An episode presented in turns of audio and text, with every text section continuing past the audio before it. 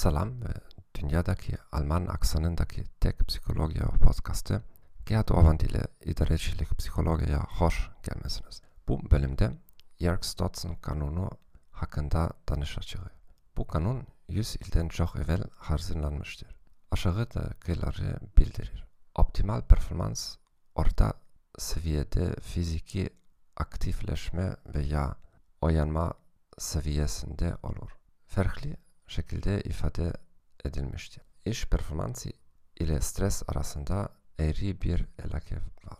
İşçiler çok rahat ve ya çok streslidirlerse performansları zarar görecektir. Stresin optimal seviyesi işçiler arasında değişir. Ekstrovert insanların içeri giren insanlardan daha yüksek bir heyecan seviyesine ihtiyacı var.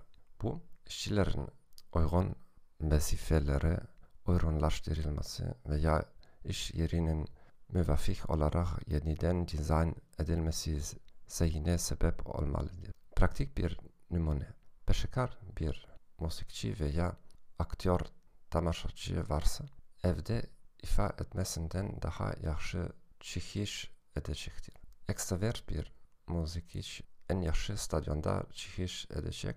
Küçük bir klubda daha introvert bir müzikçi. Fizik aktivasyonu tesir edebilecek bazı amiller. Başkalarının varlığı, hesabatlılık veya nezaret seviyesi, arka fon sesleri veya müzik, ışık ve divar renkleri dahil olmakla fizik mühit, fiziki duruşun değiştirilmesine ihtiyaç, iş tapşırıklarının muhtelifliği. Bu podcast dinlediğiniz için size teşekkür ederim.